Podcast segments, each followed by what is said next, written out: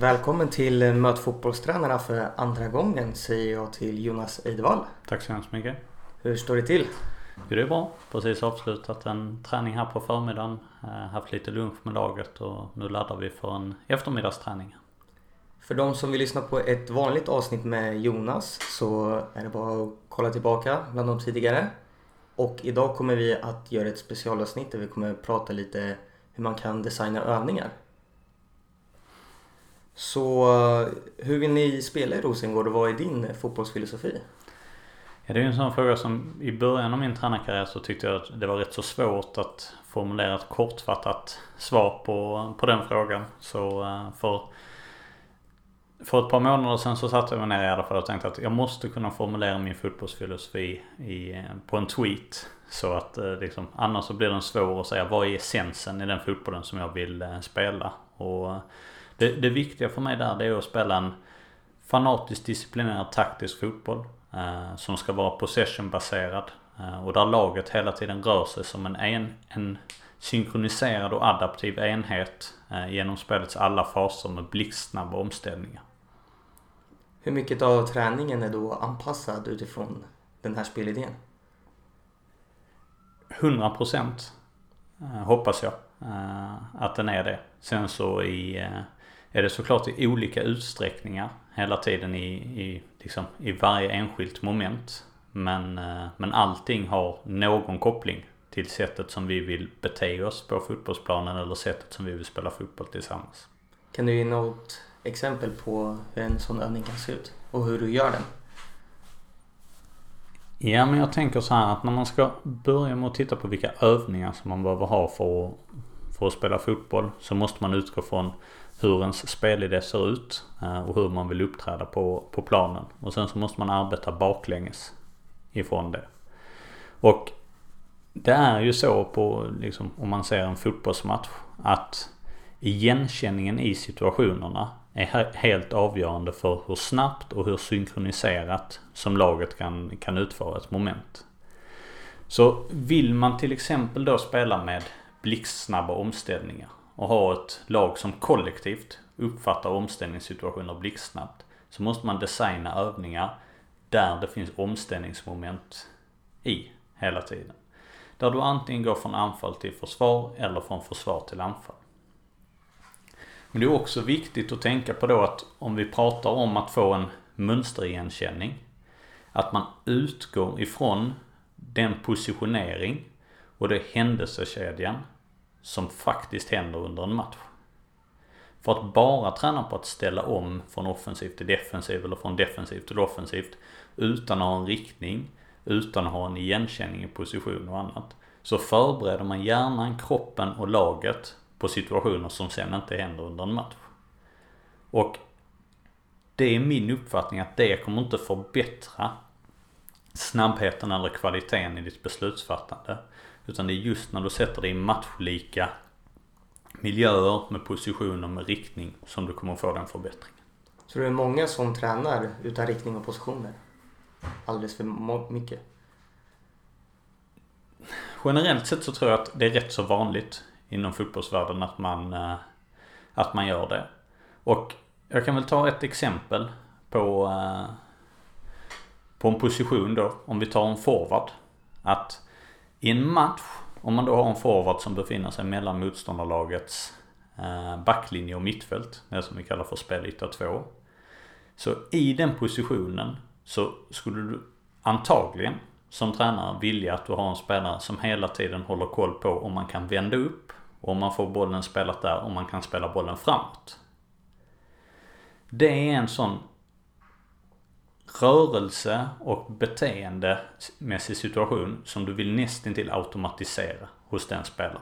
Har vi möjlighet att kunna vända upp i spelet av två så gör vi det.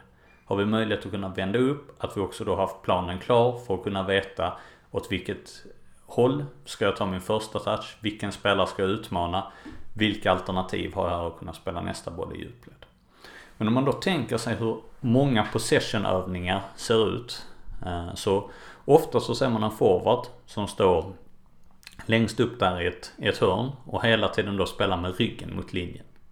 Och varje gång som man får bollen så spelar man bollen tillbaka i samma riktning som man då fick bollen från i början. Och så håller man bollen så kanske man spelar 5 passningar, 10 passningar, 15 passningar. Men, och det är ju inget problem att göra det någon gång ibland. För att en forward behöver också kunna träna på att kunna spela bollen tillbaka med kvalitet. Men det är ett problem om vi beteendemässigt lär in till forwarden att man spenderar mer tid med att inte behöva spela halvt rättvänd, med att inte behöva titta om man kan vända upp.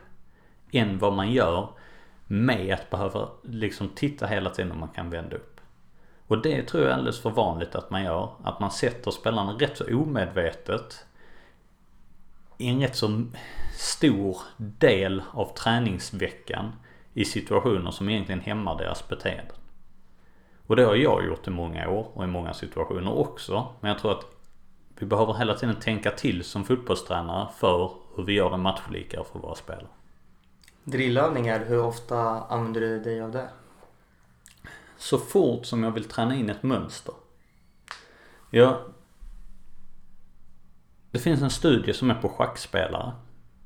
Där de, där de tittar på så här, grandmasters i, i schack. Där de får se ögonblicksbilder på, på schackbräden. Och de som är allra duktigast på schack, de kan återge exakt var de här pjäserna står.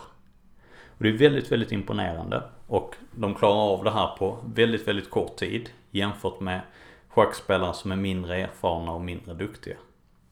Men det är så länge schackpjäserna står i ett mönster som är ett riktigt schackdrag eller ett riktigt schackscenario. Så fort du gör pjäserna i en mer slumpmässig ordning, fortfarande på ett schackbräde och sånt, så är inte en sån här duktig schackspelare bättre än någon annan schackspelare på att återge hur de här står. Så att mönsterigenkänning i schack, liksom i fotboll, är extremt viktigt. För att spelarna ska kunna utgå från vilka mönster som vi som lag ska känna till så behöver vi ibland drilla in mönster. Träna på det om och om och om igen. Och därefter när vi har tränat på mönster så kan vi börja titta efter i spelövningar. Hur känner vi igen de här mönstren? Vad är det här för situationer? Vad letar vi efter? Hur kan vi vara synkroniserade och adaptiva i den här fasen? Så att, och hur kan du göra det? Ja, till exempel genom en passningsövning. Vilket nödvändigtvis inte i det fallet behöver vara med motstånd. Vilket nödvändigtvis inte behöver vara heller med, i början i alla fall, något beslutsfattande. Men det måste finnas punkter som du liksom ska hela tiden basera den på. Vilka vinklar ska vi löpa i? Eh, vilken hårdhet ska vi slå passningarna med? Vilken fot ska vi slå passningarna till? Behövs vi ett eller två tillslag och så vidare. Brukar du träna någonting 11 mot 0 och träningsspelmönster på det sättet? Ja, det gör vi. Eh, relativt ofta när vi vill både att vi vill repetera ett spelmönster eller att vi vill lära oss ett nytt spelmönster.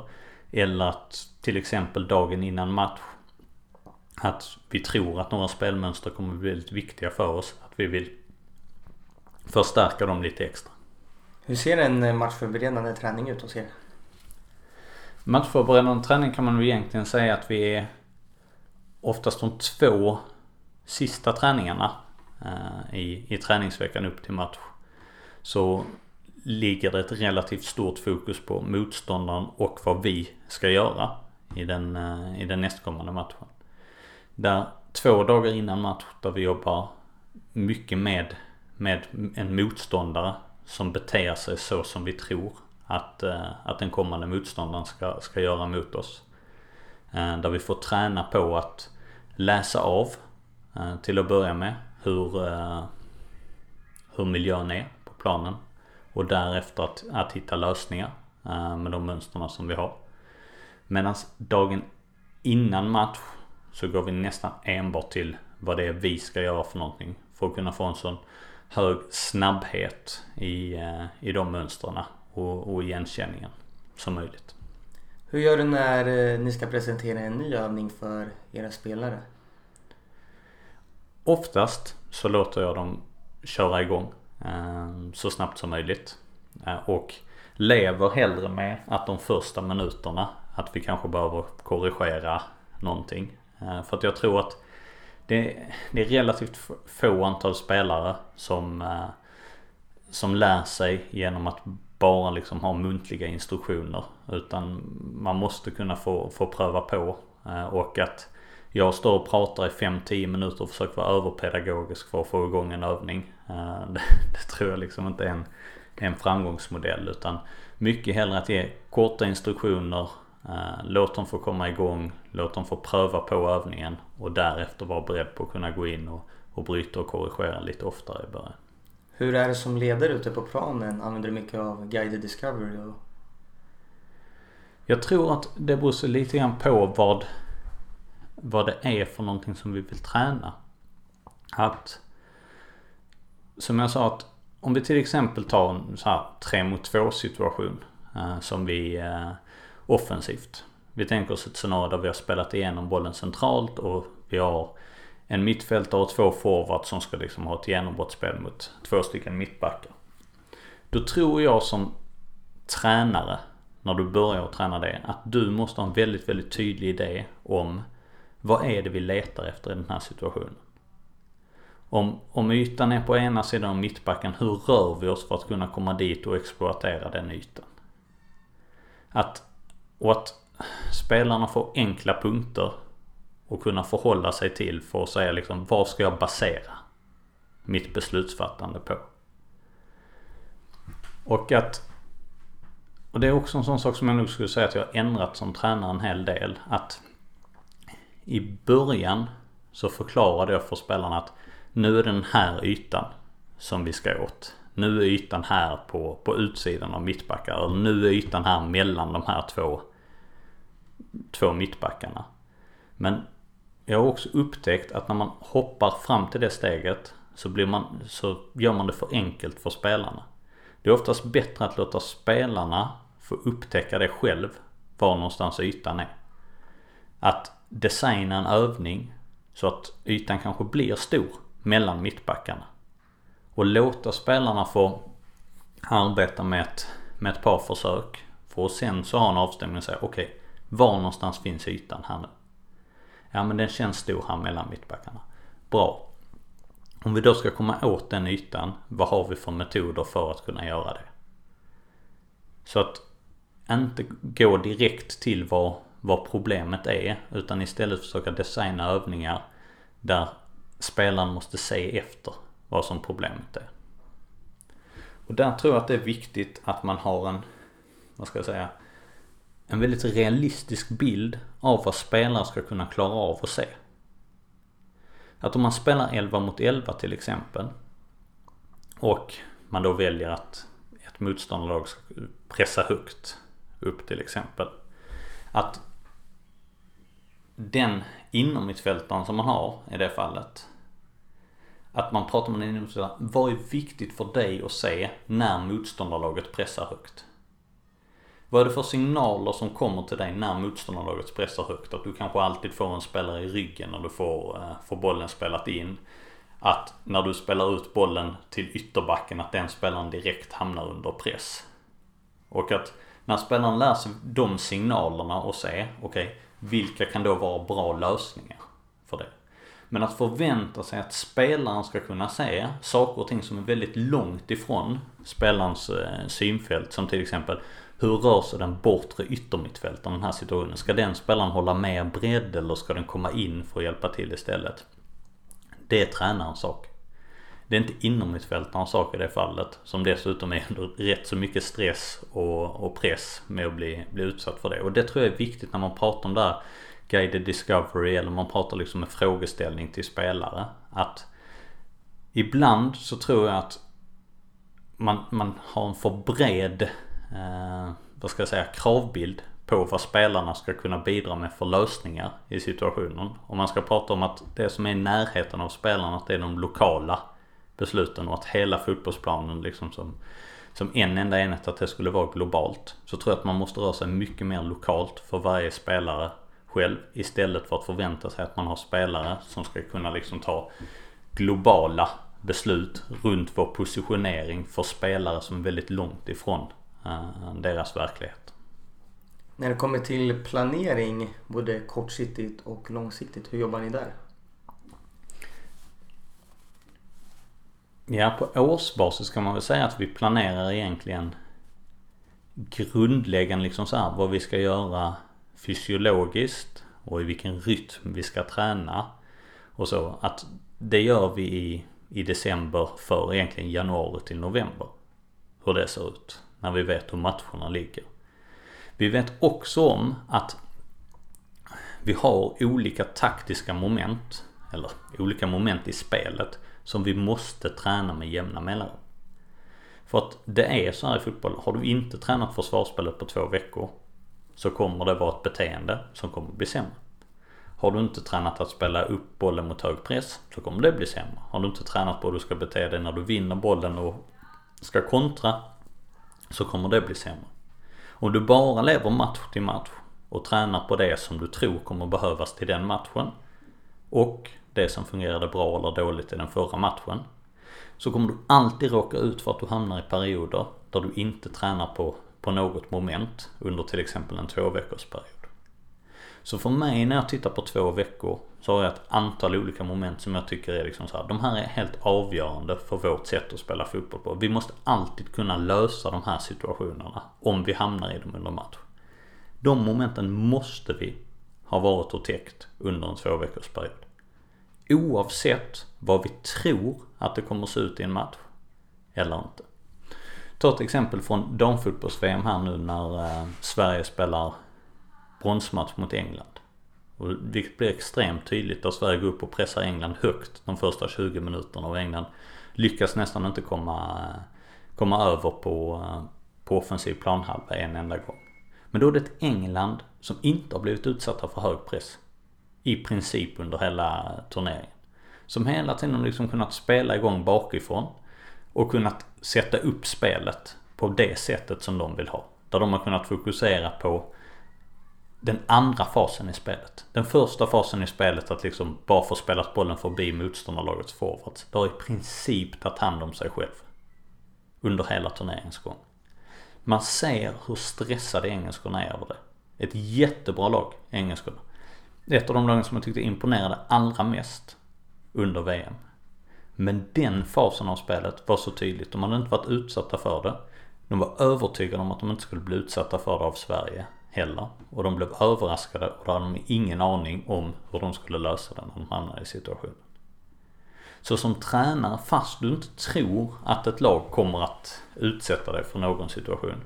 Så måste du under en två veckors period ändå ha varit där och vidrört det. För att annars, om du hamnar i det under match och det har gått mer än två veckor sedan som du tränade det. Så är min erfarenhet att du kommer ha problem, problem i det momentet. Hur utvärderar ni träningen? På lite olika sätt. Eh, vi, vi har ju ett videohjälpmedel, Spideo, där vi kan titta på träningen i efterhand. Både ur ett individuellt perspektiv och ett kollektivt perspektiv. Men vi har ju också lite så här enklare utvärderingsmetoder. Oftast efter träningen så pratar vi med spelarna utifrån vad har vi jobbat med idag? Eh, vad har varit viktigt när vi jobbar med det här? Eh, vad gör vi när det är bra? Vad gör vi när det är mindre bra? Mycket också för att, lite till, för att utvärdera såklart, men mycket också för att liksom skapa en reflektion eh, hos spelarna och också för att skapa en förstärkning hos spelarna.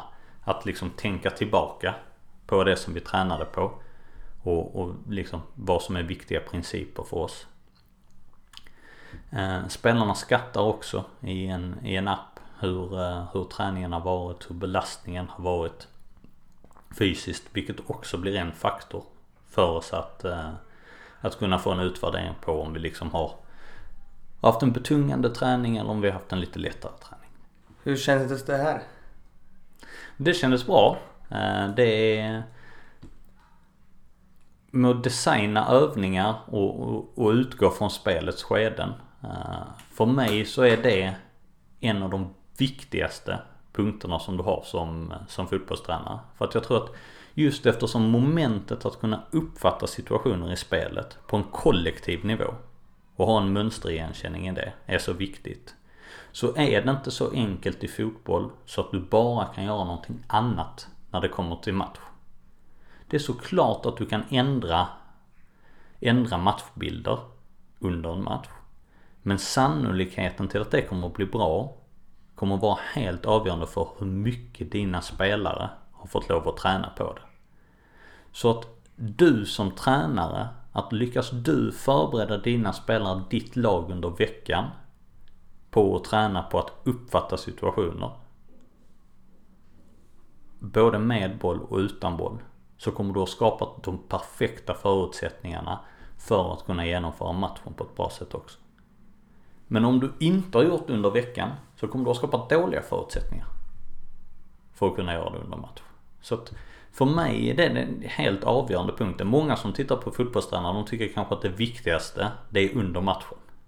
Och de utvärderar en tränare ut efter hur man, hur man agerar under match och hur då liksom laget ser ut. Men för mig är det viktiga, hur ser laget ut under match? Och 90% av jobbet som en fotbollstränare gör, det gör man innan match. I vilken miljö man har låtit spelarna ta beslut. Och en sak som är viktig där också att säga, det är ju att förutom att det såklart måste vara matchlika positioner och en matchlik riktning i övningarna så att man tar sina beslut på rätt saker. Så är också intensiteten extremt viktig. Oftast så kan du säga så här att många moment i fotboll är väldigt liknande om du skulle jämföra division 3 och Champions League till exempel med varandra på här sidan. Väldigt, väldigt liknande moment. Men förmågan att kunna utföra momenten på en mindre yta med mindre tid i en högre intensitet. Det är en stor skillnad. Men, och även när man ser Champions League-fotboll på här sidan att när man ser att de möter ett lag som ger dem ännu mindre tid så kommer det tekniska misstag som man tänker det där är inte möjligt. Jag har sett det här spanska laget i La Liga i 10 matcher i rad. De här innermittfältarna spelar aldrig bort några passningar. Men nu när de möter det här tyska laget som pressar dem lite, lite tuffare på mittfältet så börjar de helt plötsligt göra misstag. För att deras lagkamrater rör sig lite för långsamt för att kunna bli spelbara utifrån pressen. Och deras beslutsfattande blir lite för långsamt för att hinna uppfatta att okej, okay, den här alternativet var stängt. Jag hade behövt spela bollen till den här spelaren istället. Så med det sagt, så det du tränar på måste minimum vara på den intensiteten som du kommer att spela match i. Aldrig i en lägre intensitet. Gärna i en högre intensitet. För att annars förbereder du inte dig inför matchen. Vilket innebär att vill du träna på en högre intensitet än det du gör under match så måste du som när du designar övningar vara beredd på att jobba i kortare perioder. Och det tror jag också är en sån vanlig fälla att gå i. Att man, man jobbar i för långa perioder. Så att intensiteten går ur övningen. För att spelarna blir för fysiskt trötta. Istället för att våga jobba Spelarna kan vara så fräscha som möjligt i benen. Jobba kanske en minut i hög intensitet. Vila, instruktioner, frågor till spelarna. Kör igen en minut. Eller orkar de jobba i två minuter eller tre minuter? Jag vet inte hur, hur, liksom, hur olika tränares lag är. Men intensiteten och liksom vara en tydlig bild av hur den bör vara. Minimum intensitet på matchnivå. Gärna högre. Men det kommer innebära någonting när du designar övningar utifrån hur de här arbetsperioderna kommer att se ut. Och det är inte enbart utifrån ett fysiologiskt perspektiv utan det är framförallt utifrån att beslutsfattande de tekniska aktionerna behöver ske på en, en intensitet som ska vara tillräckligt hög. Väldigt intressant. Tack så mycket. Stort tack för att du tog dig tid och eh, lycka till inför hösten. Vi ska göra vårt bästa. Stort tack för att du har lyssnat på avsnittet och jag hoppas att du lärde dig något. Glöm inte att prenumerera på podden och även kolla in Youtube-kanalen och följa podden på sociala medier. Vi hörs nästa söndag.